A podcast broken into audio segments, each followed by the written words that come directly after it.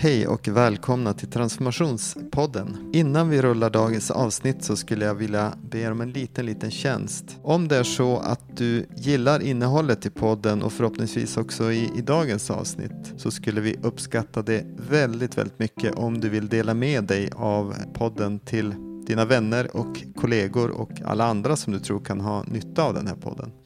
Gör du det i sociala medier så tagga gärna in Hello Future i, i posten så dyker vi upp där i kommentarerna och, och tackar så hemskt mycket för hjälpen. Men nu rullar vi dagens avsnitt.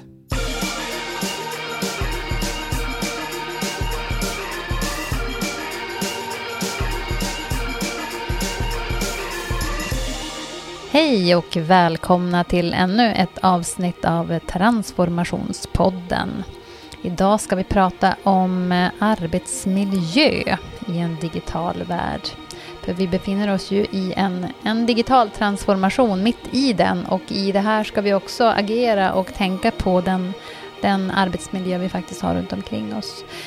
Eh, med mig idag har jag en gäst som heter Sandra Lindström. Välkommen Sandra! Hej och tack så mycket. Mm. Kul att vara här. Ja, det ska bli jättespännande att sitta och samtala med dig. Jätte, jättehärligt. Eh, och eh, jag som är med från Hello Future som samtalsledare är Petra Liuski. Men du Sandra, ja. vi ska alltså prata om arbetsmiljö. Precis, ja. ett av mina favoritämnen. Men gud vad härligt. Men först tänker jag så här, jag är lite nyfiken på, vem är du? Vem är Sandra? Ja, precis. Ja, men jag är ju psykolog från början. Uh, som har jobbat inom, uh, som psykolog inom många olika verksamheter egentligen. Jag brukar faktiskt inleda mina föreläsningar med att säga det, att jag har jobbat både inom landsting, kommun, uh, privat och så nu de senaste fyra åren som egenföretagare. Mm, du har varit med allt. Jag har varit med om allt utom en statlig tjänst, vilket ja. jag brukar säga. Det får jag väl mm. kröna min karriär då, på slutet på något sätt med att prova det också. Nej, men jag, jag, har liksom jobbat inom ett antal mm. verksamheter, men de, de, fyra senaste åren har jag då varit egenföretagare och jobbar väldigt mycket med frågor kring arbetsmiljö. Mm. När jag var uh, anställd så var jag sista tiden före jag gick över och blev egen så jobbade, började jag jobba på en företagshälsa. Mm. Där man ju jobbar mycket med arbetsmiljö, rehabilitering, man jobbar med Ja, som psykolog kan du jobba, jag jobbar som, också som organisationskonsult, både liksom förebyggande, ja, främjande insatser, mm. men även mycket det här som händer efter. Mm. Det vill säga att folk har blivit sjuka mm. av sin arbetsmiljö. Uh, hos mig väckte det här efter några år en ganska stor frustration mm. kring att jag också kunde se att när folk blev sjuka och mådde väldigt dåligt kopplat till deras arbeten, mm. att man med ganska enkla medel faktiskt hade kunnat åtgärda arbetsmiljön. Alltså man hade kunnat göra saker mm. för att de här personerna inte skulle börja må så himla dåligt. Mm. Plus att jag tyckte att det var otroligt givande och spännande att liksom vara inne i de här mer förebyggande och främjande insatserna. Mm. Så att någonstans där på vägen, både ur liksom en, en, frustration och en lust att få jobba mer, fokusera mer på de bitarna, så startade jag då det här företaget Act Now, mm. psykologi och utbildning. Eh, och det handlar väldigt mycket om, om, precis det här som jag säger, Act Now, alltså man måste agera nu. Mm. Eh, man kan inte sitta och vänta på att någon ska bli sjuk, eller man kan inte hoppas att, att någonting som pågår i arbetsmiljön ska gå över nej, av sig själv, nej, liksom, så på nej, mattan. Utan, nej, mm. Vi behöver agera liksom. Mm. Så att det här är det jag gör nu. Mm eh, håller på med mm. det egna företaget. Yeah. Eh, och jag brukar säga att jag har som flera olika delar i det jag jobbar med just nu. Dels är det ju det här som vi ska prata om idag, mm. organisatorisk och social arbetsmiljö. Mm. Eh, det är så roligt för att när, eh, när jag säger så här, bara arbetsmiljö, det är så himla roligt. Då, det är faktiskt en, en person som står mig nära som bara, Vet du Sandra, jag somnar typ bara du säger ordet arbetsmiljö. Det måste ju vara ja. världens tråkigaste ämne. Liksom. Man är olika, eller hur? Ja, man, ja. Jag sa, precis, jag sa det, men man är olika. Ja. Men grejen är att det här får jag också när jag ska komma ut och hålla föreläsningar och utbilda folk. Mm. Bara, okej, okay, en mm. arbetsmiljöutbildning. Du vet, lite så här, ordet klingar inte så Nej, himla roligt, det. man tänker på någonting tråkigt. Mm. Och så den faktiskt en återkoppling jag brukar få efter de här dagarna, eller liksom efter utbildningen, det är bara, ja, kunde det vara så här spännande? Kunde det Ja. vara så här roligt? Det handlar ju om människor, det handlar Mm. om oss och det handlar om hälsa. Om, Mm. eh, Alltså att det faktiskt är, när man fyller ett ord med innehåll, när man fyller arbetsmiljö med innehåll, så är det ju jättespännande. Det Mm. berör oss alla Mm. hela tiden. Ja, det gör ju faktiskt det. Ja, Mm. så att där, när det gäller de bitarna, arbetsmiljö, så jobbar Mm. jag jättemycket med, dels med, med kartläggningar, att jag är ute och hjälper arbetsgivare att um, kartlägga Mm. risker och resurser i den sociala och organisatoriska arbetsmiljön. Så jobbar jag också till viss del, det här är liksom ett förebyggande arbete och så, att utbilda och hjälpa så. Jag jobbar faktiskt en del med efterarbete nu också, för det var ju lite det jag ville komma ifrån, Ja, när jag var på företagshälsan, liksom rehab. Mm. Men, men i den formen som jag jobbar med efter olyckan har skett i nuläget, Mm. det är att jag utreder anmälda eh, kränkningar i Just arbetslivet. det. Alltså när det Mm. kommer in en anmälan om kränkande särbehandling eller trakasseri eller mobbing, Just. då utreder jag och en psykologkollega de anmälningarna helt Mm. enkelt. Så det är ju en form av, av efter att olyckan egentligen har skett, eller Mm. man har fått en indikation på att det har skett någonting i arbetsmiljön Mm. som inte är okej. liksom. Nej, precis. Mm. Eh, Och utöver det, vilket vi inte ska prata så mycket om idag, men Mm. jag jobbar också väldigt mycket med då jämställdhet och jämlikhetsfrågor, Mm. som ju är egentligen väldigt väldigt kort kopplat till Oh, ja. både den organisatoriska Ja, och ja. sociala Mm. arbetsmiljön också. Mm. Men då kommer det till en till lagstiftning och det är diskrimineringslagen. Det. Så att då Mm. när man jobbar med den så kallar man det för aktiva åtgärder. Men det påminner Mm. väldigt mycket om det sätt man jobbar med arbetsmiljön. Så att det Mm. bästa är om man kan få ihop där, jobba med bägge grejerna. tänker Ja, men exakt. Och Jag tänker att vi kanske är på väg dit Ja, eh, inom en ganska snar framtid ändå. absolut. Och jag tänkte de arbetsgivare som jobbar med och är duktiga på de här frågorna, de har ju ofta liksom, rutiner och sätt att jobba med, med båda, båda frågorna parallellt och Mm. liksom systematiskt integrerat. Så att det går absolut att göra. Mm. Du Sandra, du nämnde eh, ordet, eller du säger organisatorisk och social arbetsmiljö och eh, många gånger så hör jag en annan benämning. Jag hör en trio av ord. Det är fysisk, social och psykosocial arbetsmiljö. Varför är det så här? Ja, men jag skulle säga att det är lite en gammal benämning som lever kvar. Tänker. Den, den fysiska arbetsmiljön finns ju naturligtvis och den, den är viktig. Tänker. Den jobbar ju inte jag så mycket med, utan jag jobbar ju egentligen med det som jag vill säga förr i tiden, men så är det ju inte, utan även nu benämner ju ganska många det arbetet för psykosocial arbetsmiljö. Men man valde för ett antal år sedan faktiskt att aktivt liksom kalla de arbetsmiljöfrågorna istället för organisatorisk och social arbetsmiljö. det. Mm. Och det här var en medveten ändring från psykosocial, därför att man tyckte att att ordet psykosocial tenderade att lägga både liksom ansvaret och det som hände för mycket på medarbetarna och individerna. Mhm. Och för lite på liksom arbetsgivaren och de organisatoriska förutsättningarna. Just det. Så det, här, det, fann, det finns en anledning Mm. till det. Liksom. Det kom ju också ut en ny eh, föreskrift Mhm. eh, för ett antal år sedan. Och det är den, bland annat jag jobbar väldigt mycket med, ja. AFS Mm. 2015. Just det. Mm. Eh, Så att då, det var också där i det skiftet Mm. som man började prata om organisatorisk och social arbetsmiljö. Mm. Och det här, din fråga känner jag igen, för Mm. folk bara psykosocial arbetsmiljö Ja. av gammal vana, liksom, Exakt. eller, att, eller att det är det man har hört. Men då brukar jag faktiskt vilja förklara vad organisatorisk och social arbetsmiljö är. Mm. Får jag göra det för dig också då? Ja, jättegärna. Idel jag tror att våra lyssnare också är nyfikna. ja, Mm. då är det så här, jag brukar säga att Dels är det ju så här att arbetsmiljö pågår hela tiden. Det är så lätt att vi tänker på arbetsmiljö miljö som någonting som pågår i liksom en punkt på en APT eller under en dag när man pratar arbetsmiljö. Mm. Men arbetsmiljö omringar ju oss hela, hela tiden. Mm. Till exempel om vi tänker att det faktiskt är ditt arbete att sitta här med mig Mm. och podda med mig nu, det kan vi väl säga att det är. Ja, ja, absolut. Då är det så att den organisatoriska arbetsmiljön i det här, det är kontexten. Mm. Eh, Alltså miljön, det är ramarna och strukturen, det vill säga sånt som arbetstider, eh, anställningsformer, ledning, styrning, mål, roller. Allt det här är ju den organisatoriska arbetsmiljön. Mm. Just nu har ju du ganska mycket egentligen ansvar för de ramarna, tänker jag. Eh, absolut. Du har lite bjudit hit mig, tänker jag, så här, in till din liksom, arbetsmiljö. Men, men du har lite grann, ja egentligen har ju vi gjort det i samspel, tänker jag. Men, men hur vi sitter och liksom hur lång stund vi ska göra och så, där eh, tänker jag att du är lite ansvarig just nu. Så. Mm. Ja, men så Men om vi ska dra det till arbetsmiljön så tänker jag att just den organisatoriska arbetsmiljön, där har arbetsgivaren ett väldigt stort ansvar för de formerna.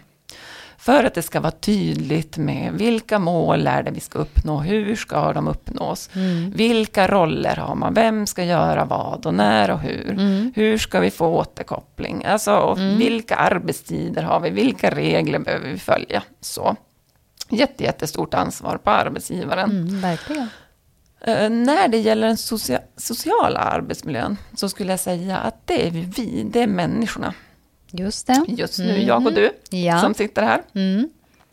När det gäller den sociala arbetsmiljön, oss människor, då blir det en massa andra faktorer som spelar in. Det är beteenden, Mm. eh, hur vi gör mot varandra, hur vi pratar med varandra och kommunicerar.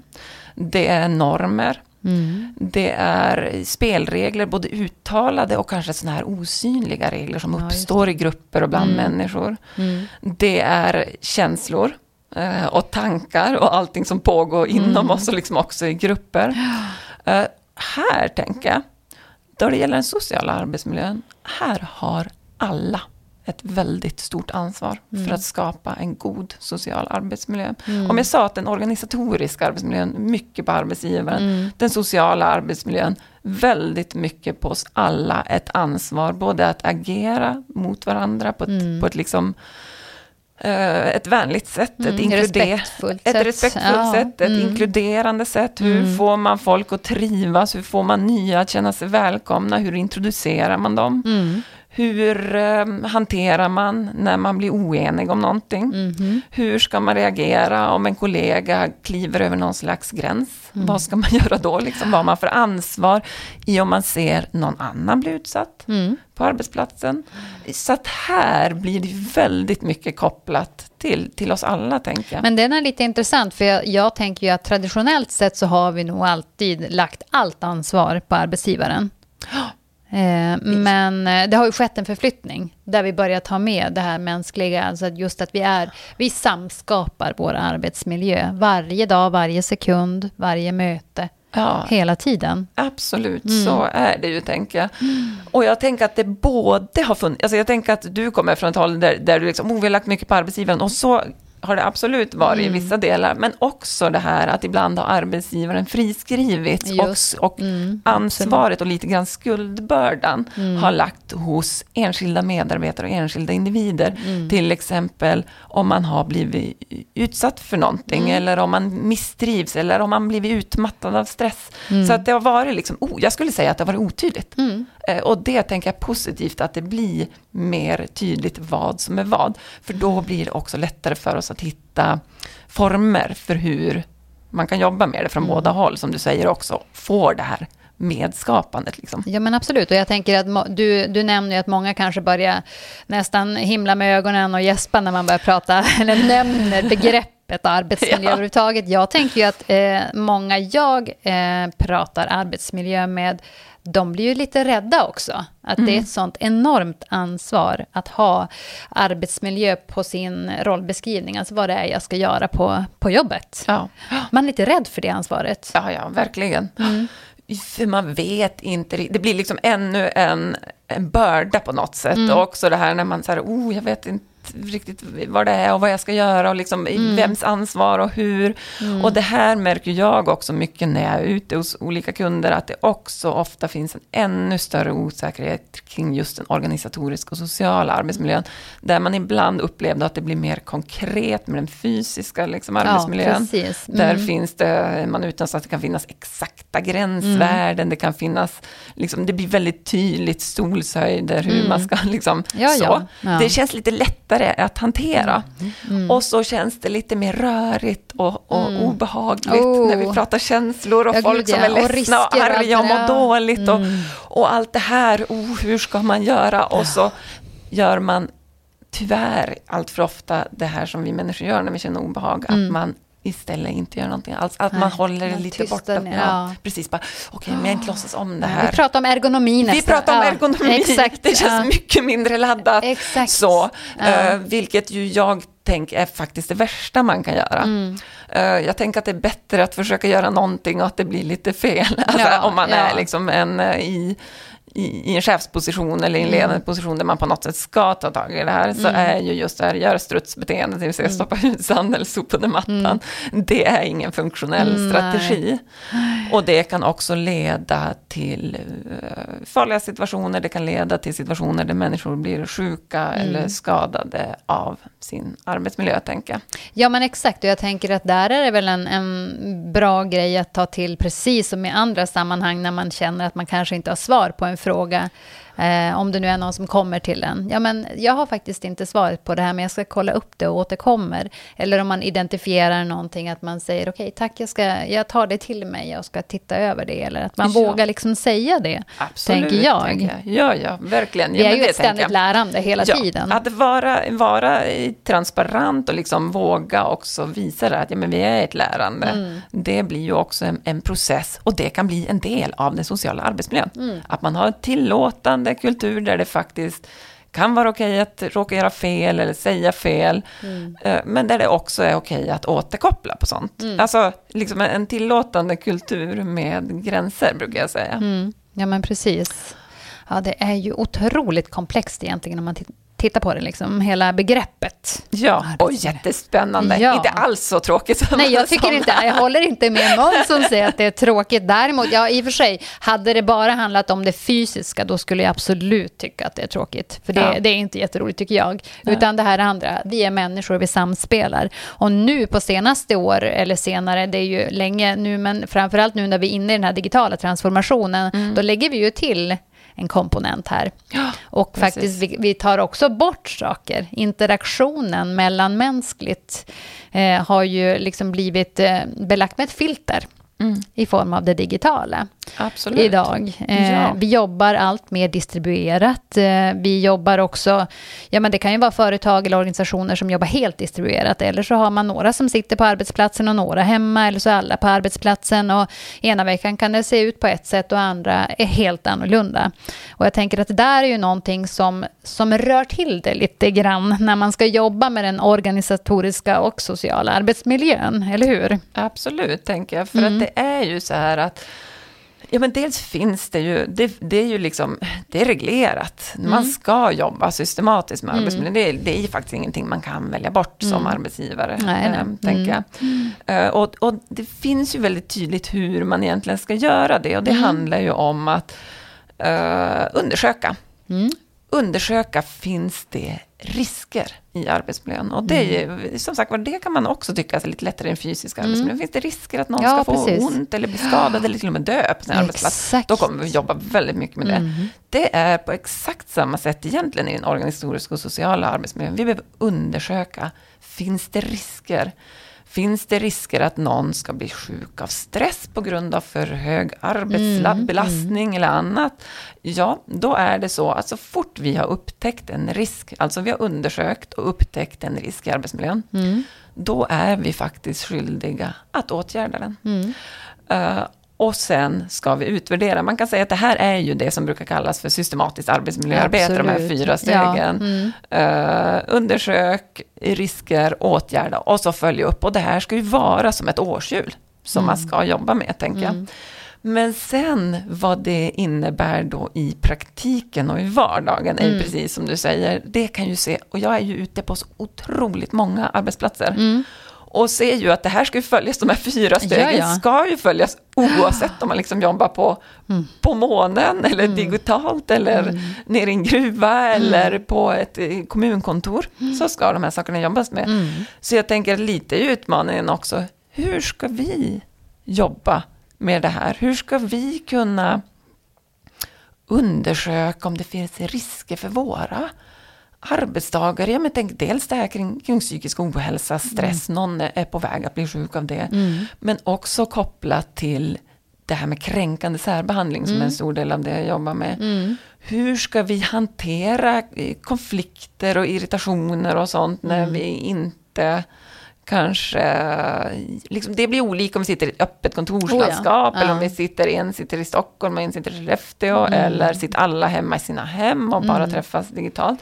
Fortfarande är det så att arbetsgivaren har en skyldighet att se till att till exempel kränkande särbehandling inte ska ske. Och då är ju att kunna hantera konflikter, kunna hantera irritation, kunna hantera oen, oenighet. Det är ju att göra en riskanalys. Alltså det är ju att säga så här, okej, Mm. där, jag brukar säga så här, där det finns människor, där uppstår det ju. Absolut. Konflikter. Så är det ju. Ja. Mm. Sen ska jag också säga, för jag vet att folk ibland, det, det är samma sak som arbetsmiljö, arbetsmiljö gör, då gör man vissa tolkningar till det ordet. När jag säger konflikter, så tänker vissa människor att konflikter måste vara att man liksom står och skriker åt varandra, alltså man lägger ganska mycket i ordet konflikter. Mm. När jag pratar om konflikter, så kan det vara liksom också väldigt små grejer, det vill säga att man är oense om en sakfråga. Just Det kanske man i- till vardags inte benämner som konflikt. Nej, nej, men. Men det Mm. gör ofta jag i det här arbetet, för det är en, en typ av konflikt, eller liksom en typ av så här, okej, vi tycker olika om en väldigt konkret sakfråga. Mm. Sånt bör man ju ha rutiner för att kunna hantera i arbetsmiljön. Ja. Hur gör vi om vi tycker olika om arbetsmetoder? Mm. Eh, hur vi liksom ska göra arbetet. Hur gör vi om vi inte, det blir inte riktigt, riktigt tydligt för oss med rollerna. Det känns som att man är inne på någon annans område. Man vet inte riktigt var ens eget ansvar börjar och slutar. Det är ju en väldigt vanlig grogrund till att man Oh ja. blir irriterad på varandra Ja, eller ja. börjar liksom så. Så att jag tänker alla de här sakerna behöver man undersöka regelbundet. Mm. Traditionellt sett, om vi tänker utanför liksom, den digitala transformationen, så är det ju Mm. ofta så här att man undersökte ja, men dels har ju väldigt många arbetsgivare typ av med, medarbetarenkäter Mm. eh, som man skickar ut och så får alla anställda helt enkelt fylla i Mm. frågor kopplat också till stress, arbetsbelastning, Precis. närvaro. De kunde vara hur långa som helst. Ja, ja, närvaro konflikter, hur man mår, hur man uppfattar sin, sin ledare och sin chef. Ja. Mm. Ja, så jättelånga. Ett jättevanligt dilemma som jag möter när det gäller de här medarbetarenkäterna, det är att man slentrian skickar ut dem en gång per år. Mm. Man kanske pliktskyldigt står på en arbetsplatsträff och redovisar dem. Det Precis. är alltid lite röda staplar. Mm. Inte alltför sällan är det samma staplar som är röda år efter år.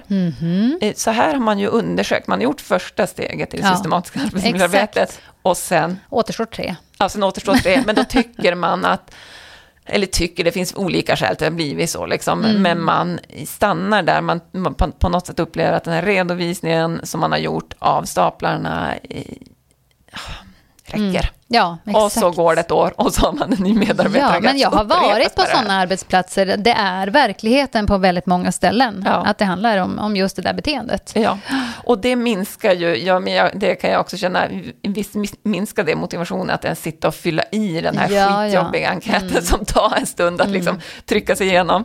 Motivationen till att göra det blir ju otroligt låg när man vet att det här är bara liksom, det händer ingenting, det spelar ingen roll om Nej. jag skulle liksom fylla i allt jättedåligt, det kommer Ja. inte hända någonting. Men vad ska man göra istället då för en, en sån enkät? Ja, jag tänker att man absolut kan använda enkäter. Jag Mm. tänker att det är ett bra verktyg, men det man inte får glömma bort är ju att okej, om vi väljer att skicka ut en enkät, Mm. då har vi undersökt. Har vi upptäckt risker i enkäten, då är vi på Mm. steg två i arbetsmiljöarbetet.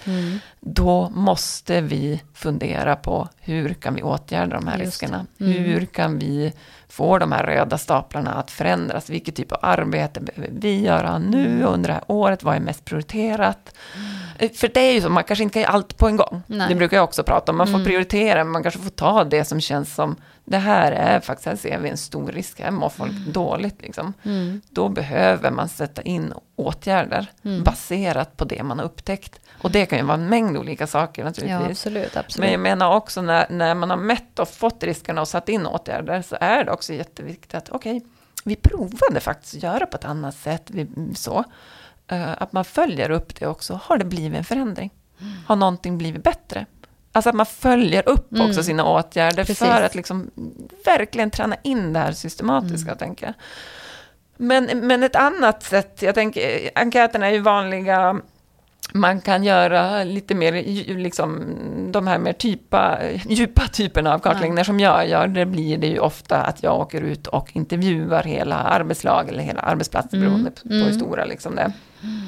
Där får man ju egentligen, det, det är ju egentligen samma sak som en enkät, bara att man får ofta en ännu tydligare bild Mm. av både vad riskerna handlar om, vad det är de anställda uppfattar som problematiskt, varför man inte mår bra, varför man eh, tycker att ens chef inte fungerar eller varför man, vad som händer med kollegor om det är en massa bråk. Mm.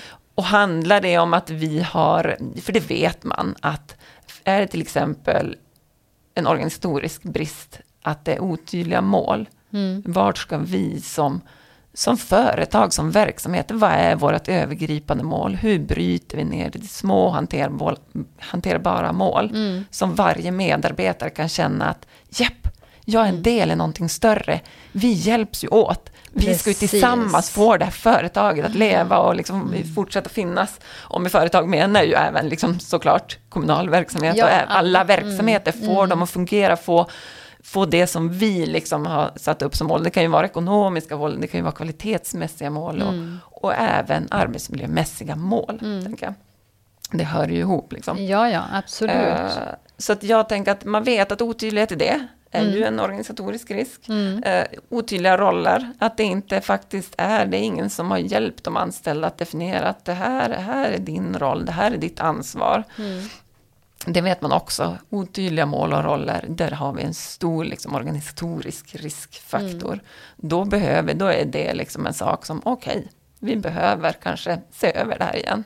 Vad, vad, vad hade vi för mål från början? Är det, Mm. Ja, dags att, är det dags att stämma av det? Är det dags att formulera det på ett annat sätt? Är det Mm. dags att bryta ner det till, till hanterbara mål för alla Mm. som är här? Liksom? Mm. Eh, Så att det är ju en viktig, viktig sak i det här. Det man också har sett kring det med mål och roller, att det är jätteviktigt att det är tydligt att det hör till den organisatoriska arbetsmiljön, det är att man får återkoppling och att man får återkoppla. Ja. Mm. Så att man också vet så här, ja, det jag gjorde nu, det var, det var tillräckligt. Och det var bra liksom. Ja, ja. Och också så här, om man kanske kan utveckla någonting eller någonting har blivit ett hinder, någonting blir svårt så att man kanske inte har kunnat nå målen eller man har fått problem att liksom faktiskt få återkoppling på vad är det som händer. Vi ser här, och det kan ju också vara liksom en form av negativ feedback eller det som kallas för kritik. Mm. Men det är också jätteviktigt för att kunna utvecklas. Mm. Eh, Eller kanske också liksom få, få förklara för någon som lyssnar och tar emot det här, till Mm. exempel närmaste chef, att jag har just nu sänkt arbetskapacitet på grund av att jag mår jättedåligt, det händer saker i mitt liv, Mm. eh, saker som kanske inte är arbetsrelaterade. Nej, precis, Men för det kanske, påverkar ju. Ja, det Mm. påverkar. Och det Oh, ja. kanske, jag tänker så här, det jag pratar om, för jag pratar mycket om långsiktig hållbarhet och, Mm. och att få behålla anställda över tid. Vill vi som arbetsgivare behålla anställda över en längre tid? Det är ju inte så himla vanligt med guldklockorna nu. Mm. Nej, liksom. det är ju Men om inte vi det. ändå tänker att vi vill ha kvar dem, för att det tar ju en stund att få medarbetare att lära sig allting och Mm. att det är synd att förlora dem just när de liksom har börjat lära sig allting Mm. och är jätteduktiga och så. Absolut. Jag tänker att då behöver vi utveckla en tolerans för att över en livstid kommer vi alla att ha svackor ibland. Oh, ja. mm. Eh, Vi kommer att ha perioder då vi kanske kan prestera mer och så kommer vi ha perioder när det händer oss saker. Vi blir föräldrar, vi liksom hamnar i separationer. Vi, alltså det händer så mycket så att Mm. Ja, i vissa ja, perioder kanske vi inte kan prestera lika mycket. Mm. Men om man som arbetsgivare bygger upp en tolerans för det och faktiskt stöd och liksom tillit. Mm. Det är en win-win situation tänker jag. Det, tänker jag, det låter som en självklarhet i mina Ja. öron i alla Ja. fall. Men det jag tänker när du nämner att ja, men ett sätt att jobba med, alltså systematiskt med de här typen av frågor, arbetsmiljöfrågor, eh, så är medarbetarenkäten en del. Men sen tänker ju jag att väldigt många arbetsplatser jag har varit på, då använder man också utvecklingssamtalen som en liten sån ventil. Ja, precis. Mm, där man kollar läget lite grann. Absolut. Pliktskyldigt en gång per år. Ja, men precis. Medarbetarsamtal eller utvecklingssamtal, man kallar det för lite olika Mm. saker. Men det är ju också en sån sak som traditionellt brukar Ja. finnas med. Mm. Och det är också en sån sak som kan, som kan brista. Det kan vara en Mm. fantastisk eh, stund, en välanvänd stund där Mm. i eh, utvecklingssamtalet, medarbetarsamtalet, där man verkligen får så här, bolla, fundera på utmaningar. Det kan också vara, som du säger, extremt pliktskyldigt. Ja. Man går dit för att man måste. Eh, och ibland så kommer jag till arbetsplatser där man inte alls har det, för att det, man är för stressad, man har prioriterat Just. bort det, man har Mm. inte förstått vikten av det. Men jag tycker att det verkar ju ändå vara en eh, tendens i samhället att eh, det handlar inte om en gång per år längre, utan nu börjar man ha lite mer frekventa avstämningar med anställda. Mm. Eh, vi på Aero Future till exempel, vi har ju ja, men, vi har lite längre samtal såklart, eh, flera gånger per år, men sen har vi veckovisa avstämningar. Mm. Och jag tänker att det där börjar ju också vara någonting som, eh, som förändrar vårt synsätt på att snappa upp saker och signaler. Och, Ja, och precis. Där Mm. har ju ni anammat. Jag tänker att det är ju en del som ni har valt att göra som en organisatorisk... Mm. Av era, alltså I er organisatoriska arbetsmiljö har ni valt att bygga in en, en tätare kommunikation, Mm. alltså i lite en annan form. Eh, lite mer ofta liksom, helt enkelt stämma av. Hur är det, hur går Mm. Ja, men det? precis. Eh, Är det något problem, är det något vi Ja, kan... precis. och jag vet kommun, eh, alltså enheter på kommun, olika kommuner som, som gör likadant. Kanske inte varje vecka, men varannan vecka eller någonting, att man har Ja. de här coachingsamtalen också. Absolut, Mm. väldigt klokt. Nej, men för det brukar jag också säga att det behövs finnas eh, tid och utrymme för att ta de här frågorna. Mm. Och det, alltså det är också väldigt olika vad man kallar det. På en del ställen kallar man det för arbetsplatsträff, på en del kallar man det för utvecklingsträff. Alltså namnet är inte så viktigt, Mm. Precis. men däremot behövs det finnas avsatt tid och utrymme. För, och om jag nu kopplar det specifikt till arbetsmiljön, så Mm. ska det finnas en specifik punkt också som heter organisatorisk och social arbetsmiljö. Mm. Hur är det, hur mår vi, hur går det, hur jobbar vi tillsammans? Liksom. Och jag brukar också säga så här, om man har den typen av, av uppföljning regelbundet, alltså man har en tid och en plats där man Mm. vet att den här punkten finns, då gör det ju ingenting egentligen om det nio gånger av tio är så här, ja men det, Det var är ingenting. Ja. Det Mm. funkar jättebra. Mm. Men den tionde gången så Mm. kan det vara någonting.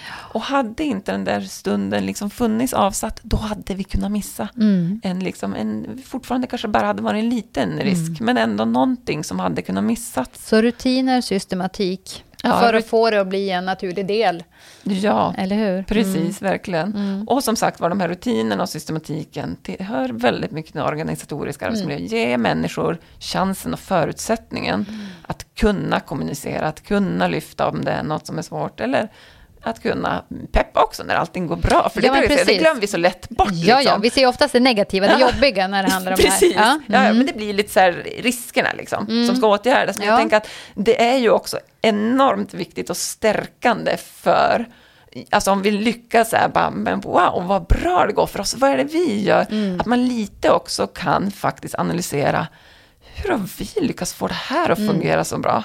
För att kunna hålla i det och fortsätta med så att det inte bara berodde på en slump. Nej, Det var en precis. slump, vi hade Mm. lite tur, det gick bra för oss ett tag. Sen gick det inte bra längre, vi har ingen an- aning om varken liksom, varför Nej, eller. men exakt, och det där är ju som en framgångsnyckel kan man väl säga. Och den delen och det här med trivsel. Mm. Alltså vad är det som gör i arbetsmiljön att vi mår bra? De är ju som att man bara, ja, jag vet inte. Vi fastnar inte, vi tar inte liksom fasta på dem så lika mycket som de här jobbiga arbetsmiljöfrågorna. Utan de, vi bara tar för givet att oj, vad, vad mysigt vi hade idag på fikat eller vad det nu Ja. kan ha varit. Precis. Ja. Ja, ja. ja verkligen. Istället för att bara, ja men vad gör att vi? Har, så här, man kanske skattar bara, vi har jättehög trivsel, vi har så himla trevligt på kontoret. Men jag tänker att ibland kan det vara bra bara, ja men det är för att vi är typ så här, vi har, eh, ja men vi har hittat former för att kommunicera på ett trevligt sätt. Vi, alltså att man lite grann så definierar det också. Exakt. Så här gör vi. Ja. eh, tänker jag. För att grejen är, igen, jag tänker att det här med, med riskerna och hur man kan jobba med det är ju att det är ju trevligt så länge det är trevligt. Mm. Och som sagt var, då glömmer vi ofta till och med bort att bara så här, wow, vi borde klappa oss på axeln, Mm. vi borde verkligen jobba med att bara återkoppla hur bra det går för oss, Ja. vilket härligt team vi är och så. Eh, men det jag skulle komma till var att när det inte är trevligt längre, om man inte har tänkt på det i förväg, Mm. det, eller då, det är då Det är blir då det blir riktigt jobbigt, eller hur? Ja. Mm. Så nästan ännu värre, vi har haft det trevligt, vi har haft det så bra, vi har liksom, Oh, det har funkat och så händer någonting och så blir det otrevligt. Mm.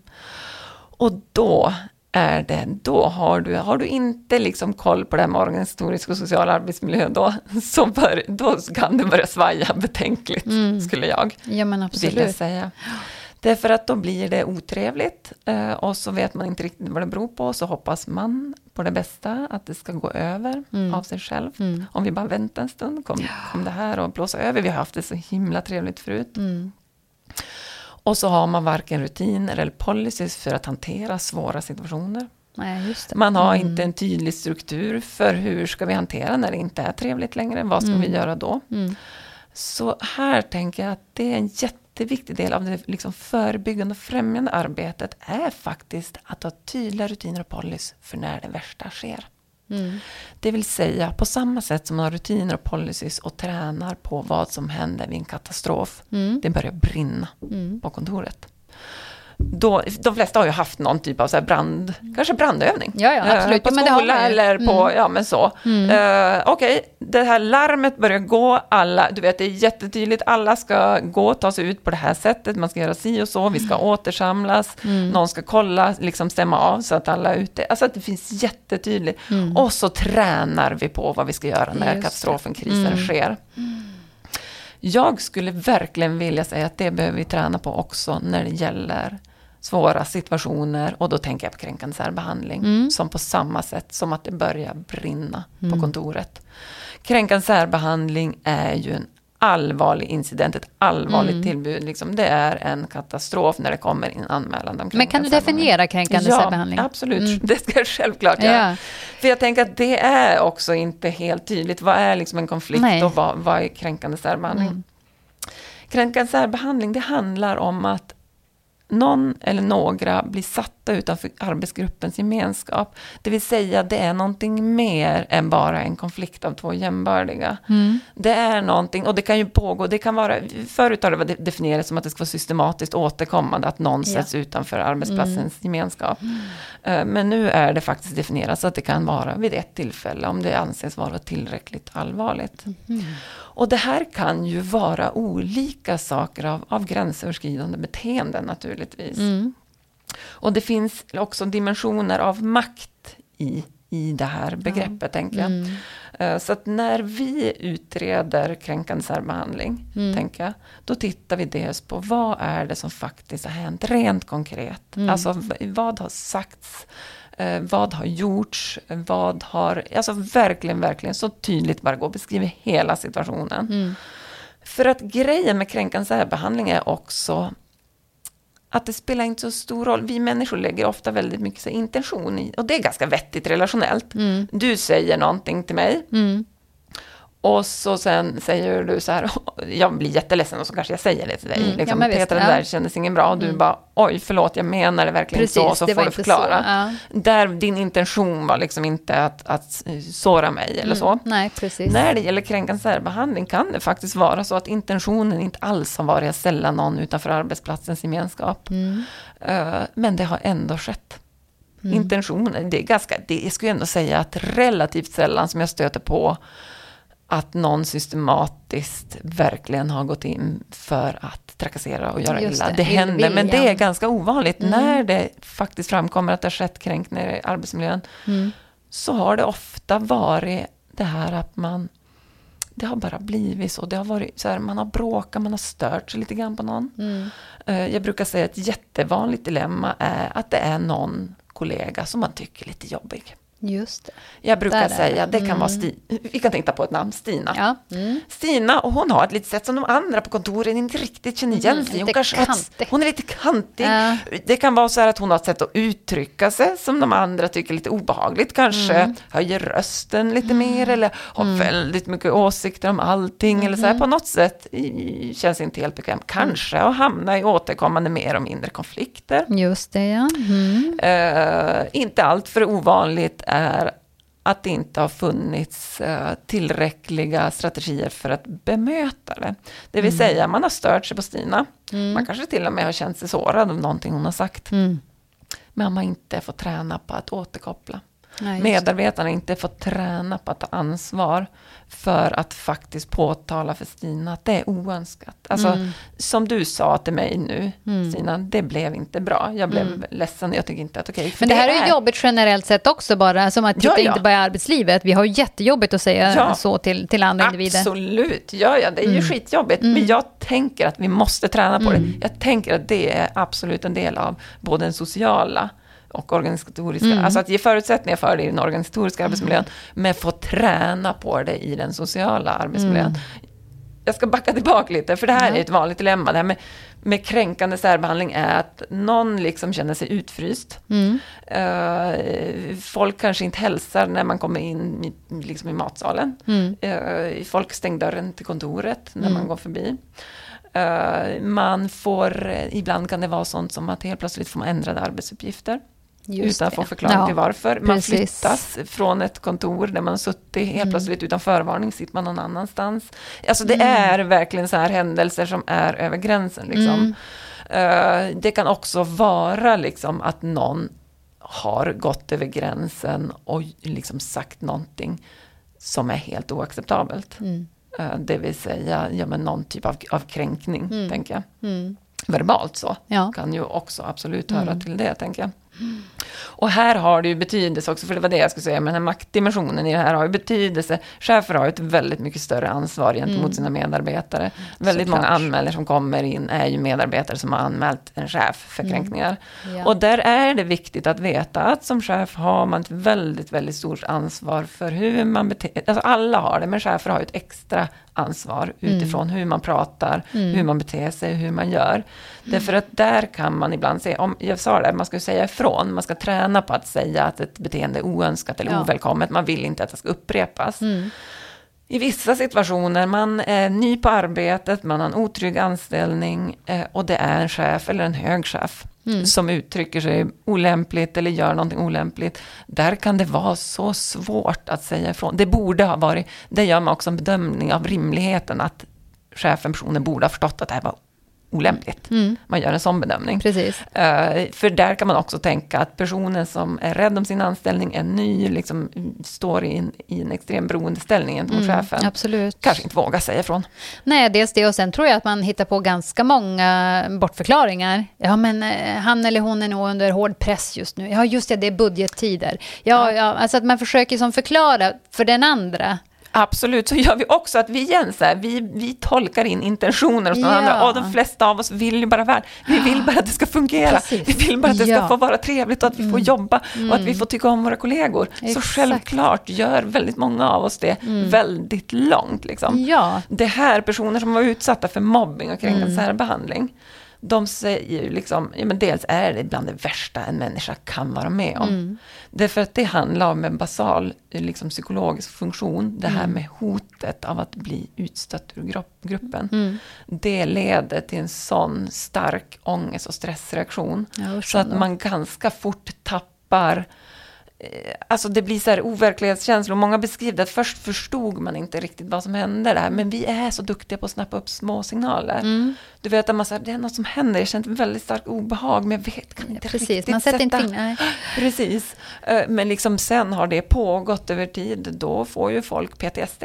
Mm. Eh, Det finns även i fall av, liksom, man tänker att en del av suicidstatistiken är, alltså det, Mm. den ökar väsentligt om man är utsatt för mobbing och systematisk Mm, liksom, mm.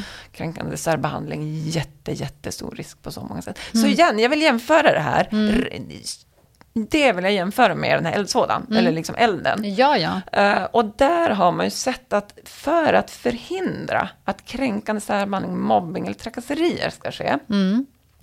Så är det väldigt, väldigt viktigt att ha tydliga rutiner för vad ska vi göra om det trots allt, det får helst inte ske, men Mm. om det, Men om det sker, händer, ja. vad gör vi då? Mm.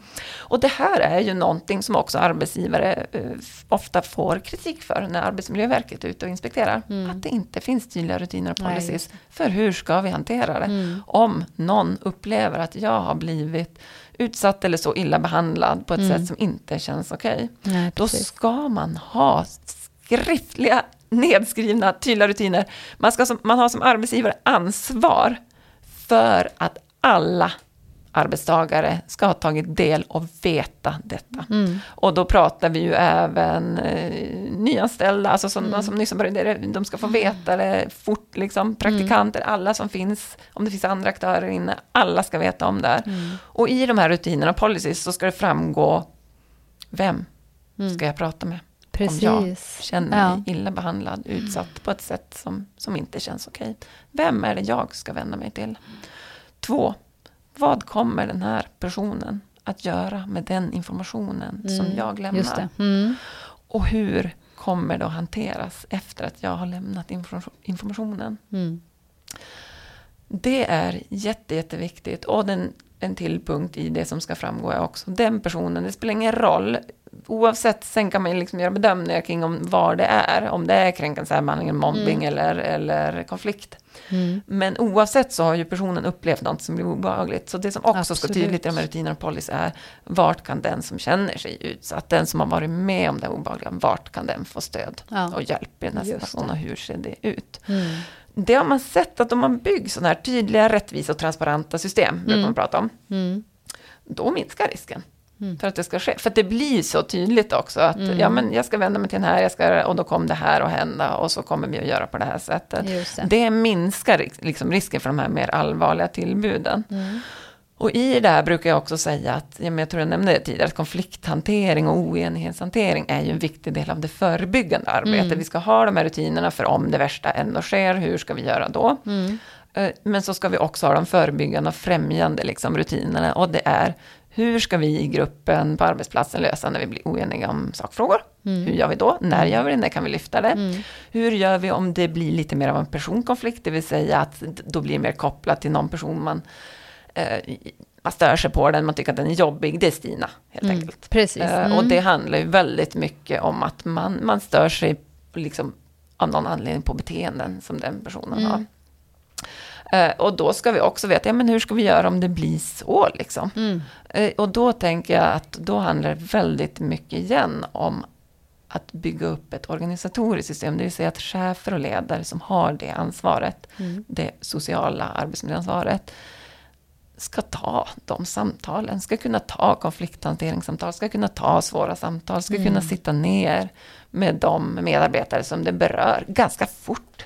Tänker jag. Ja, jag tänker också att det, det är väl en jätteviktig faktor i det hela, Mm, tidsaspekten. Absolut, och det är ju en väldigt förebyggande och främjande Mm. att kunna så här, okej, men här har det hänt någonting, de här två, det, det, det funkar inte riktigt. Mm. Vi liksom snabbt går in och liksom tar ett samtal och, och fundera på, Mm. ja men kan vi lösa det relativt enkelt? Handlar det om en missuppfattning i kommunikation? Handlar det om någon, Mm.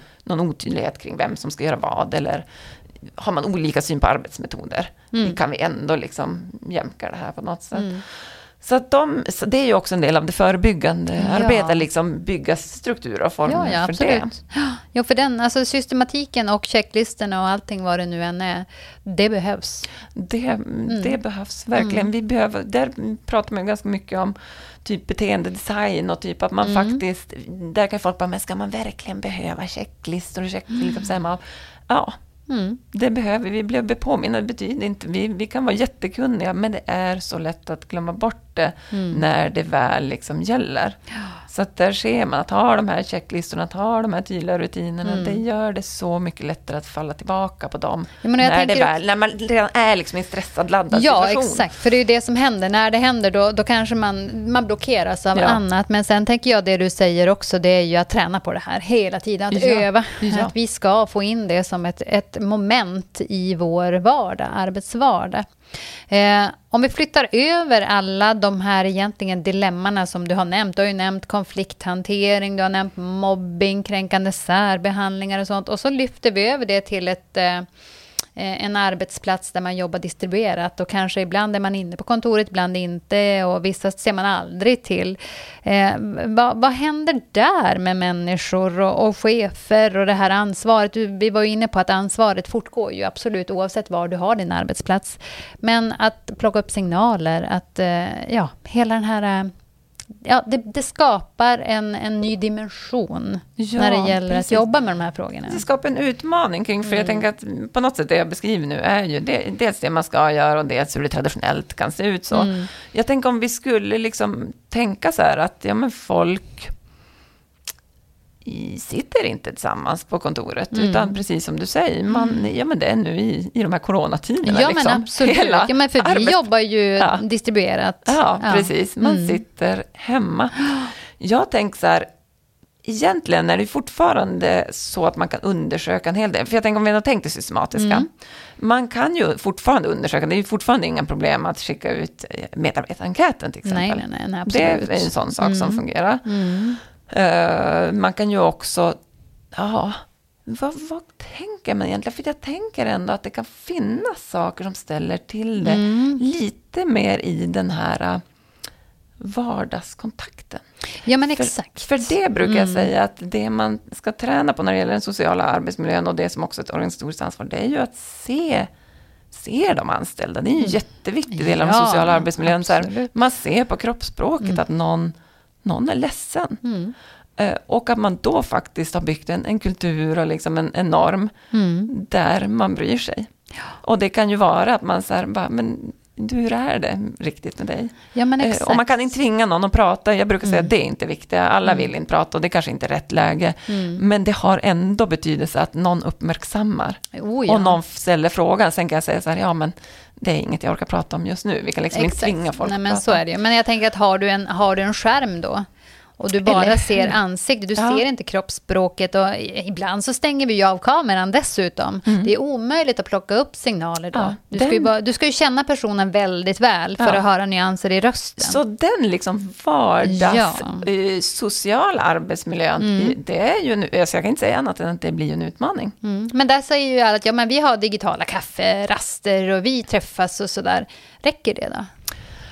Alltså jag tänker att det är ju en bra, det är ju en bra grej för att behålla och liksom eh, bygga gemenskap, självklart. Mm. Att man kan liksom skapa digitala forum mm. som på något sätt ändå liksom bygger den här gemenskapen. Mm. Det är ju inte samma sak, men det kan ju däremot vara ett rimligt alternativ, tänker jag. Uh, nej, men jag tänker så här att det, det är ju knepigt, så då blir det mycket mer ändå på något sätt kanske viktigare det här verbala och kommunikationen. Mm.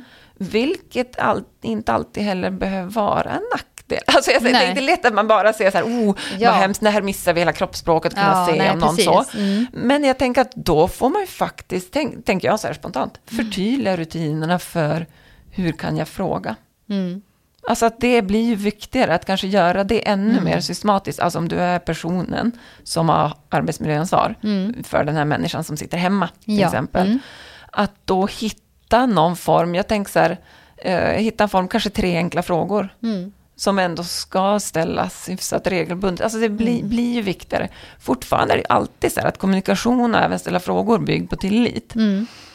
Mm. Och grejen är att man kan ju ställa frågor och en medarbetare kan ju neka. Mm. Men det är faktiskt egentligen ingen skillnad. Nej. För det kan människor alltid göra. Mm. Alltså jag tänkte ju även i min roll som psykolog, jag kan ju inte tvinga folk att prata. Nej, nej men så är det Det viktiga mm. är igen när man ställer frågan, om någon, om någon person väljer att förneka eller ljuga eller hitta på andra svar, det kan vi aldrig, vi kan aldrig påverka andra människor på det sättet. Nej. Men däremot kan vi ta vårt ansvar och ställa frågorna, tänker jag. Och då skulle man kunna tänka sig någon form av checklista där de här frågorna får ställas mer verbalt. Så mm. Mm. Hur mår du? Är, är allt okej? Okay? Finns det något som ställer till det för dig i den här nya, liksom i den här nya arbetsformen att sitta mm. hemma? Mm. I, och, och liksom också koppla det till frågor om, om kommunikationen, informationen, fungerar det fortfarande? Ja, eller mm. börjar personen känna sig osäker? Mm. Vad blir min nu när jag liksom sitter hemma, vad blir min roll då? Mm. Nu blev det lite otydligt här. Ja, för det här är ju också svårt att koppla. Jag menar, det är ju svårt att veta vad andra gör på ett, på ett sätt där man kanske kan bli lite misstänksam om man nu är utsatt för någon form av, inte kränkning kanske, men man märker att man börjar bli lite exkluderad och helt plötsligt ser man att någon annan har tagit tag i en uppgift som kanske var egentligen min. Den skulle ha blivit min om jag hade varit på kontoret, men nu sitter jag hemma för jag är en riskgrupp Alltså det, det, finns ju, det finns ju så många ja, lager på det här. Ja, absolut. Ja. Och på ett sätt skulle ju det, tänker jag, det är ju absolut liksom en, en, en risk, tänker jag. Men på ett sätt skulle det kunna finnas någon, nu, är så nu, nu ja, bollar jag fram och tillbaka hela tiden, men jag tänker så här, det kanske också skulle kunna bli tydligare vad det är som faktiskt pågår. Mm. Alltså för jag tänker att det finns någonting i det här digitala och det här krav, alltså det ställs högre krav på att faktiskt kommunicera tydligt och att hitta vägar för informationsöverföring som måste bli mer konkreta om man överhuvudtaget ska ha en chans.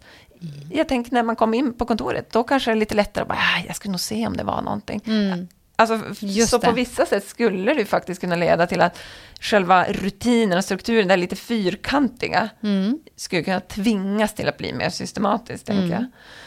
Eh, men, men också det här att, ja, vissa saker skulle ju absolut kunna liksom ställa till det också, tänker jag. Mm. Ja, men jag tänker bara en sån sak som det här med att, eh, att inte se varandra. Att eh, det är ganska lätt om man sitter och jobbar i olika... Det är mejl och det är olika chattmöjligheter vi har på alla arbetsplatser idag. Text är ju ganska risky kan man väl säga att använda för att tolkningen ligger ju hos mottagaren alltid. All kommunikation handlar ju om det. Ja, och det här mötet har jag faktiskt mm, mött i ganska många eh, fall. En problematisk mejlkultur skulle jag säga. Eh, eller liksom skriftlig information. Som Ja. du säger, att framföra det är ju jättebra, alltså skrift är ju en fantastisk grej. Ja, ja, det är och mejlande och all typ av Ja, kommunikation som Ja. kan ske så på Mm. ett enkelt digital, digitalt sätt. Eh, Och jag brukar säga att liksom skriftlig information, den ska vara tydlig, neutral, lättbegriplig. Alltså bara här har vi en utmaning Mm. Ja. att jobba med. Jag tänker, Ja, ja, men det ska den vara. Den ska Mm. liksom vara begriplig. Eh, positivt pepp, eh, positiv återkoppling, pepp. Jag kör jättegärna via, liksom, Mm. eh, via skrift. Men jag skulle säga all form av känslig information, Mm. all form av negativ återkoppling eller kritik, Mm. det, det gör man inte via skrift. Nej. Det, alltså jag skulle säga att det, är, det leder till för stora problem och till för stora risker med missförstånd. Um, för grejen är, du vet att om jag läser en text Mm. och så hör, när man läser en text kan man ju som, nu kommer jag prata om, då hör man ju som en, en röst Ja, i ja. huvudet medan man läser, Ja. åtminstone jag gör det. Mm. Eh, Ganska många andra också tror jag. absolut. Grejen är att om man läser den här texten som att den, har skrivit, den som har skrivit till mig är arg. Ja, ja, ja. Tonaliteten. Tonaliteten. Ja. Och det Oj. är ju hos mottagaren, Ja, ja. för det är helt Mm. omöjligt att Mm. veta. Jag har varit med om det själv, att jag någon gång skickat mejl och så fick jag, tyckte jag upplevde att jag fick ett jättemärkligt svar tillbaka. Ja, ja. Mm. Och jag bara, jag, alltså jag förstod verkligen ingenting. Det var som att jag hade gjort något, alltså Ja. personen var Ja, ja. arg, svarade på Ja. ett väldigt irriterat sätt. Och så gick jag tillbaka och läste mejlet och Mm. då ser jag, jag tror att det här, jag kommer faktiskt inte exakt ihåg vad det var, men det var något dialektalt i det också. Ja, ja. Mhm. Någon form av där jag hade lagt till ja, men så här, lite talspråk. Mm. Så att när jag läser igen såg jag att det här kunde ju läsas som, alltså absolut som en kritik, som en, alltså, Jaha, ditt hade- första meddelande. Ja, mitt första fick- meddelande Ja, ja. kunde läsas, Mm. bara lite så här betoningen, att det var lite för mycket talspråk, lite otydligt, eh, uppfattades som att jag skickade ett, ett väldigt otrevligt kritiserande mejl till, Mm. Ja. för mig också, en person som jag inte hade träffat liksom, Nej, någonsin på riktigt. Ja. Så jag menar, det här är en jättestor risk. Jag skulle säga, liksom kör via mail, kör via skrift, Mm. de liksom, information som behöver ut tydlig, neutral. Mm. Ska man återkoppla någon form av, av negativ liksom, Mm. återkoppling, då får man... Det bästa skulle jag ändå säga fortfarande är om man då kan vid det specifika tillfället kanske ses IRL. Mm. Alltså ja, att sätta sig ner med den personen. Och det näst bästa alternativet är ju att då ta telefonen och ringa. Mm. Ja, eller ett digitalt möte tänker jag. Ja, absolut. Eller ett digitalt med där man kan se den. Liksom. Ja. Eh, Mm. Så. så att jag tänker att det eh, går ju också, framförallt tänker jag att det går bra med de här digitala mötena och telefon om det är att du ska återkoppla till en individ kring någonting Mm. som kanske blev ett missförstånd eller som ganska lätt troligtvis kan redas ut. Mm. Däremot tänker jag att det blir svårare om du tänker att att du har en konfliktsituation till exempel på arbetet och Mm. du är den som ska hantera det här Ja. och ha typ ett medlande samtal. Mm. Eh, Då skulle jag skulle vara tveksam Mm. till att ta det på digital väg. Mm. Eh, För att det är så laddade och känslosamma situationer ofta ändå. Ja, det är ju det. Eh, Och det måste få vara, tänker jag. Mm. Eh, Och det skulle säkert, jag menar det finns säkert de, de chefer och ansvariga som skulle vara bekväma kanske med att ta det i ett digitalt möte ändå. Mm. Men jag tänker att det är ju inte ovanligt med väldigt liksom, starka känslor i den här typen av möten. Nej. Eh, att, att någon blir ledsen, att någon kanske avviker från rummet. Det blir ju jätteproblematiskt Mm. om, om man inte befinner sig i samma fysiska rum. Det där tycker jag är jätteintressant för att det kommer ju att bli allt mer och det är ju redan idag på många arbetsplatser så att man, man har kollegor som sitter på andra, alltså andra sidan jorden. Ja, precis. Och hur gör vi då? Då behöver vi ju ha det här digitala Absolut. mötesrummet. Ja, så jag ja. tänker att det här är ju jätteintressant att, eh, att träna på. Återigen, precis. det, vi behöver och träna här där också. Mm. hyser jag inga tvivel om, jag menar, det är ju inte, jag står ju inte längst fram, liksom, absolut Mm. inte i den digitala användningen, vilket jag tänker att mina normer, mitt sätt att se på det här kan ju bli ganska stelbent. Mm. Jag kan tänka mig också att man hittar ännu bättre former för att även ha kanske ett liksom ett, ett medlarsamtal eller ett Mm. svårt samtal. Att det absolut går att få till. Jag tänker Mm. fortfarande samma basic spelregler som gäller. Att man ska Oh, ja, ja. skapa ett Mm. tryggt rum, man ska som samtalsledare vara neutral, inte ta ställning. Alltså de, Mm. de klassiska beteendereglerna för hur man har det här sam, samtalet, Mm. de går ju definitivt att använda även i ett digitalt Mm. format. Ja, men jag. precis. Så att det gäller ju, igen, tänker jag att en sån sak, när det är verkligheten, Mm. att det är, vi kommer inte att kunna ses IRL, Mm. då behöver man ju träna på att, hur, alltså jag tänker igen, då får Mm. man träna på det här. Hur ska jag få till, hur ska jag som ansvarig för det här få till de här digitala eh, samtalen, träffarna på absolut bästa sätt? Hur ska jag Mm. kunna skapa en trygg och säker arbetsmiljö även i den här organisatoriska kontexten? Liksom? Mm. Där tänker jag också, för det du, du nämnde tidigare, eh, det var ju det här med att eh, ha arbetsmiljön på agendan. Mm. På en APT till exempel, Ja. eller vad det nu kan vara. Mm. Eh, där tänker jag att där är man ju många, om man kan lyfta saker eh, i grupp, så att säga. Eh, och där tänker jag att det kan finnas, eller det gör det ju alltid, de som kanske inte är så verbala eh, och inte vill säga saker. Eh, de kommer ju inte att göra sig hörda i det här sammanhanget heller. Eh, och frågan är ju då, hur, hur gör man där? Alltså ska man ändå fråga upp på, vid andra tillfällen? Du pratar ju om den här, ja, med, om man nu jobbar digitalt så kanske man ska ha en checklista på tre frågor man ställer till medarbetare med jämna mellanrum. Eh, det här andra systematiska, lite större frågor Mm. som man tar upp, ska man göra på liknande sätt där eller? Jag tänker att det blir ju egentligen, alltså det dilemmat har du ju oavsett om ni liksom sitter i Mm. ett rum eller om det är ett digitalt att vissa kommer ta mer plats och vissa Mm. kommer ta mindre plats. Där tänker jag att vi på något sätt, vi måste ha en tolerans för att folk får vara olika. Mm. Alltså så, tänker jag att vissa, vissa Mm. är ju mer pratsamma verbala och andra vill inte eller liksom känner inte utrymme, kanske inte heller känner behov av det. Mm. Eh, och jag tänker att så behövde ju lite grann Mm. få vara. Alltså det, det, vi kan inte tvinga en person som, som tycker att det är ganska skönt att liksom inte prata jättemycket på mötena att göra Mm. det. Precis. Däremot tänker jag att vi behöver förklara även för Ja, men både för de som kanske tar mycket plats kan Mm. man ju behöva så här fundera över sånt som, som röd tråd och vem, vem får liksom taltiden. Mm. Alltså sånt kan vi behöva jobba med, Mm. tänker jag. Men också att de som inte tar så mycket plats på de här mötena, att faktiskt träna där också, att när det verkligen gäller, att det är viktigt. Och nu menar jag inte att man måste göra, göra det på ett apotek eller de här stora Nej. digitala. Det kan ju Mm. vara så att det här blir så svårt för mig, så det vill jag ta Ja, med min närmsta chef eller med Mm. någon annan. Liksom. Mm. Men, men om det gäller sånt som är arbetsmiljö, att man lite tränar på att ta mod till sig när det verkligen gäller och ändå framför det. För jag brukar säga Ja. att det man framför till gruppen, Mm. det får hela gruppen ta ansvar för. Mm. Alltså när man har sagt någonting och lagt ut det i gruppen, då Mm. är det faktiskt upp till gruppen att ta emot det, lyssna på det, liksom Mm. ge Alltså faktiskt återkoppling till den som har sagt det, att vad Mm. bra att du lyfte det här. För det hade inte vi förstått eller liksom annars. Mm. Eh, så. Eh, och att också då vara tydlig med att det man inte säger, det får man själv ta ansvar för. Mm. Och jag vet att det här låter ganska hårt. Det kan men ju jag, kännas svårt. ja. Ja. Men det är ju tyvärr, det är tyvärr på det sättet, Mm. för det man inte har sagt, det finns inte, för det finns Nej. ingen som är liksom tankeläsare. Det är Mm. omöjligt för en arbetsgivare eller chef att vara tankeläsare. Det är omö- alltså, Mm. Så att det är, är väldigt viktigt att man tränar på att verbalisera och säga. Man behöver inte vara den som står på bordet, man behöver inte vara den som håller föredrag eller säger allra mest, men att man faktiskt, om man upplever ett problem Mm. på sitt arbete, att man har ett ansvar för att också lyfta det Mm. på något sätt. Att man har liksom ett, om man vill att det ska förändras i alla fall. Mm. Ja, men precis. om Ja. man liksom, Mm. eh, ja, så. Men det är ju fantastiskt bra medskick, tänker jag också.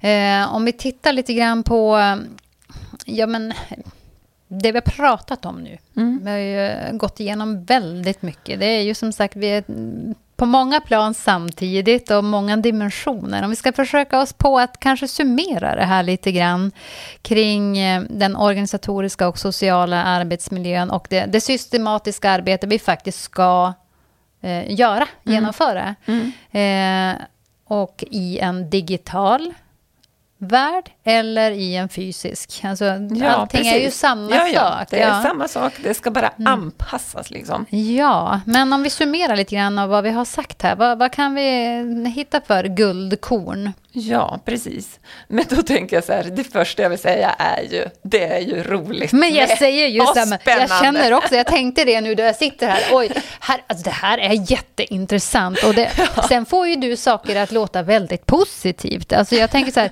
ja men det är klart att det finns lite hinder med att sitta vid en skärm. Men då säger det, jo men det kan ju också skala bort. Du, du hittar ju liksom de här vägarna som, som gör det intressant Sandra. Ja, men tack så mycket. Vad bra. Ja, Eh, absolut. Ja. Nej, men jag tänker att det är, ja, men det, jag, tänker säga, jag brukar säga att det är som olika nivåer liksom, med det här med, med social och organisatorisk arbetsmiljö. Det är ju, dels finns ju lagkraven, Mm.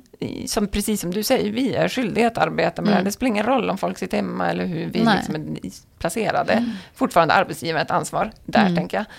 Det är ju inte så himla kul. Det är när man säger sådana saker som folk bara, oh my god, bäst att jag Ja, ja, ja. annat jag går härifrån nu. Det är inte så kul att höra, men så ser det ju faktiskt ut, tänker jag. Där brukar jag säga, man kan ju lägga ribban för arbetet på just sitt företag eller sin verksamhet eller sin organisation på olika, jag brukar prata om att man kan lägga den på lite olika nivåer. Just Det jag brukar säga att lägsta nivå ribban, liksom, det är ju att uppfylla lagkraven. Lagkraven, ja. ja precis, Mm. för att slippa få böter, liksom, eller Ja. slippa sådana saker. Mm. Det kan jag tycka att då, blir, då förstår jag att det blir tråkigt om man Mm. lägger det på den nivån. Om man istället liksom lyfter det och ser att det är en win-win. Mår människor bra, slipper bli sjuka, slipper bli skadade, slipper ha ont i magen när de går till jobbet på morgonen, Mm. eh, känner en tillit, psykologisk trygghet, vet vilka mål vi jobbar mot, vad man ska göra.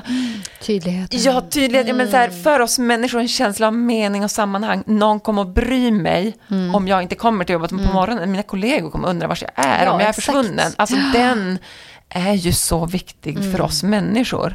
Där vet man ju att folk som hamnar i långtidsarbetslöshet eller hamnar Mm. liksom utanför, vi, vi människor mår så fruktansvärt dåligt av det, Mm. att inte känna oss behövda. Så att det vill jag liksom skicka med, tänker jag, vikten av det här och att det är att ju högre man lägger ribban så kommer man också se att det finns ekonomiska vinster i det, för samhällsmässiga vinster i det. Det är så mycket win-win, liksom. folk var friska, vi kommer tjäna Ja, pengar. Alltså allt Ja, det här som ja, men helt klart. eh, vi, vi gör någonting bra. Det blir jag- långsiktig hållbarhet liksom. Ja men exakt och det du säger nu att ja, men folk kanske kommer att reagera om jag inte kommer till jobbet och så. Jag menar där kan man ju bara upprätta rutiner kring att om man nu jobbar bara digitalt. Alltså att om alla sitter på hemma Ja. så kan man ju göra det. Man kan ju checka in digitalt Ja. på morgonen. Man kan Ja, ju, ja. Alltså det finns ju så många saker man bara kan översätta Och att någon blir säger. orolig om du inte har checkat in. Ja, exakt. Alltså för det är ju samma sak, Mm. omtanke och vänlighet. Liksom, så här, Oj, någon märk, märker att jag inte har checkat in. Så Ja. Det är vår rutin att vi ska Ja, göra det. exakt. Så enkelt och ändå så viktigt, tänker jag. Eh, Och det andra jag skulle vilja skicka med är det här att det är inte så himla krångligt. Alltså, Fast det är ju krångligt innan man vet. Ja. Så där brukar jag säga, fundera på om ni behöver liksom höja kompetensnivån just hos er. Och då brukar jag säga att det, det är, kan ju vara jätteviktigt och också en trygghet. Alltså chef, arbetsledare till exempel. Känna att man har en grundläggande kunskap. Då blir det ju så mycket lättare att agera snarare än det här att sopa under mattan, tänker jag. Där brukar jag också alltid rekommendera arbetsgivarna att försöka om det är möjligt utbilda chefer och och eh, det som ofta kallas för arbetsplatsombud eller Precis. skyddsombud Ja, tillsammans. Mm, Så att man får en samsyn. För där Mm. tänker man ju att chefen blir på ett sätt då arbetsgivarens representant. Mm, Medan då de här arbetsplatsskyddsombuden blir lite grann arbetstagarens representant. precis. Och det är ju så bra om man tillsammans kan höja kunskapsnivån Mm. och liksom få en samsyn på Mm. ja, men hur, hur ser vi på risker och, och sånt i den social, Mm. organisatoriska och sociala arbetsmiljön till exempel. Mm, mm. Så att det gör det ju, känner man att man behöver gör det, liksom, Mm. ta, gör den satsningen, tänker jag. Absolut. Och så sen när man känner att ja, men nu, vi kan det här ganska Mm. bra, då blir det ju att omsätta det i vardagen, i praktiken. Ha Mm. tydliga rutiner, använd checklistor, använd er av årshjulet, Mm. undersök saker, finns olika sätt att undersöka. eh, Om ni upptäcker risker, fundera på vad som ni behöver liksom, åtgärda just nu. Mm. Fundera på hur ni ska följa upp det, Mm. tänker jag. Mm. Eh, Att man faktiskt gör det här till en del av vardagen, Mm. helt enkelt. Ja men absolut. Jag tänker att det, det, det som far i mitt huvud nu det är ju just att eh, eh, vi pratar arbetsmiljö som någonting som är eh, ja, som löper parallellt med allt annat vi gör. Medan det egentligen bör vara Mm. Ja. integrerat med allting. Ja. Och det är ju samma sak med digitalisering. Vi har pratat om det också på sidan om, men det är ju också någonting som är inkluderat i allting vi gör i våra arbetssätt och så vidare. Och här med arbetsmiljön så tänker jag att väldigt mycket har att göra med värderingar och kultur.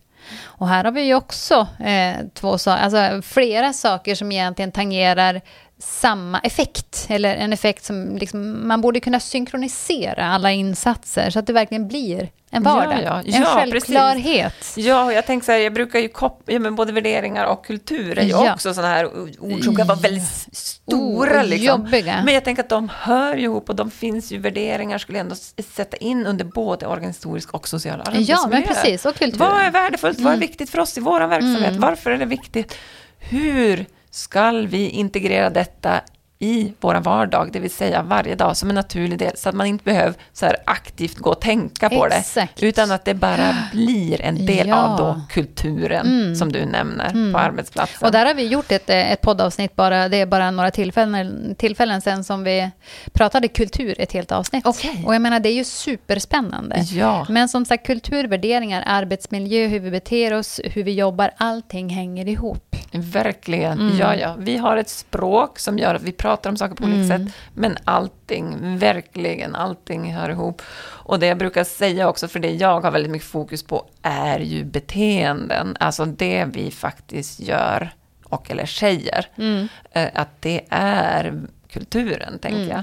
Därför att där hör man också ibland när det uppstår problem, du känner du igen det här uttrycket, det sitter i väggarna. Oh ja.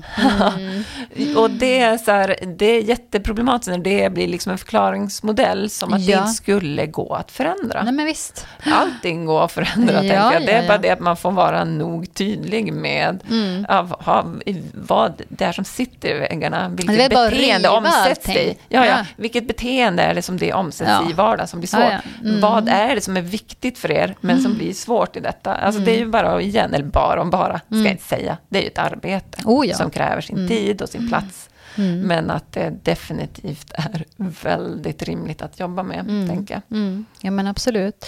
Eh, avslutningsvis, eh, Sandra, om du fick eh, skicka med lyssnarna någonting som de kanske redan kan börja göra imorgon för att påverka de här frågorna. Ja, då tänker jag det allra lättaste, för det här är ju också, som jag brukar säga, organisatoriska större frågor Mm. kan ju kräva både tid och, och resurser och liksom så. Absolut. Men i den sociala arbetsmiljön kan ju jag och du göra skillnad redan nu. Ja, Och ni som lyssnar kan göra skillnad redan nu och imorgon. Mm. Och där tänker jag just det här att fundera på hur kan jag skapa en, en trygg och vänlig och omtänksam arbetsmiljö för Mm. mig och mina medarbetare redan idag eller imorgon. Mm. Vad kan jag göra? Vilket litet beteende skulle jag kunna göra så att jag bidrar till Mm. att skapa en, en god arbetsmiljö? Liksom. Mm.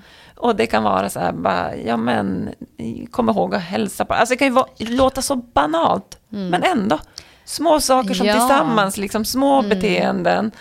Där om man tänker så här, ja men jag har också ett ansvar Mm. och jag kan också påverka.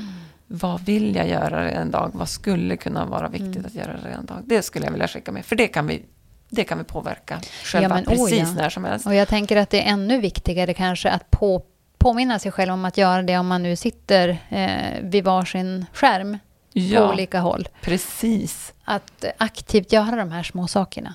Jag tänker att det blir Exakt. ännu viktigare då. Ja, ja, Mm. precis. Efter att ni hört det här poddavsnittet, bara Mm. just vi kanske ska checka in Mm. eh, och, och kolla så att alla är här. Alltså, Ja. så här, man verkligen så här, ja men åh gud, det där känns spännande. Mm. Finns det något sätt där jag kan lyfta det? Har vi någon punkt på något möte där vi Ja, har organisatorisk precis. social arbetsmiljö? Eller skulle jag kunna Mm. föreslå det? Mm, Alltså så här, att man, liksom det man hör nu, om man tycker Ja. att det är spännande och bra, att man faktiskt tar med det till det ställe, den arbetsplats, den verksamhet där man själv är. Och tänk att det är inte chefens ansvar, utan som Nej. sagt, vi alla människor och skapar det här sociala. Ja. Eh, arbetsmiljön. Och Ja. där tänker jag också, jag menar om en liten grej man kan göra är ju bara skicka ett meddelande till en kollega och fråga hej hur är det, ska vi ta en, en kaffe om en halvtimme, morgonkaffe? Ja. Mm. Och fråga Absolut. hur mår du? Ja, Hur går det för dig? Mm. Jag tänker att det är ju ett jättebra steg att börja med. Ja, Mm. verkligen. Helt klart. Men du Sandra, jag tror att du och jag skulle kunna hålla på i timmar. Jag tror det. det kanske finns anledning att återkomma på det här ämnet också. Jag menar, arbetsmiljön följer ju med oss i allt vi gör. Det gör det. Helt klart. Tusen, tusen tack för ditt deltagande. Tack så mycket för att jag fick vara här. Men du förresten Sandra, om man vill nå dig, vart kan man nå dig då? Ja, Har du en mejladress? Men- Precis, då eh, heter ju jag, eh, mitt företag heter Act Now Psykologi och Mm. min mejladress är sandra.actnowpsykologi.se Eh, och när det gäller utredningar av kränkningar och taxerier då finns jag på faktaundersökning.se. Ja. Där kan man också läsa väldigt mycket mer om den specifika metoden. Mm. Tänker jag. Ja. Så det är Bra två tips. tips. på hur man kan få reda på lite mer om mig och mitt arbete. Ja, men precis. Och har ni någonting ni vill ja, men antingen reflektera kring eller fråga eh, om kring den här poddavsnittet eller tips om någonting annat som vi kan spela in och bjuda in gäster kring och prata om kring något tema så kontakta gärna mig på petra.hellofuture.se. Tusen tack för att ni har lyssnat. Hej då! Hej då!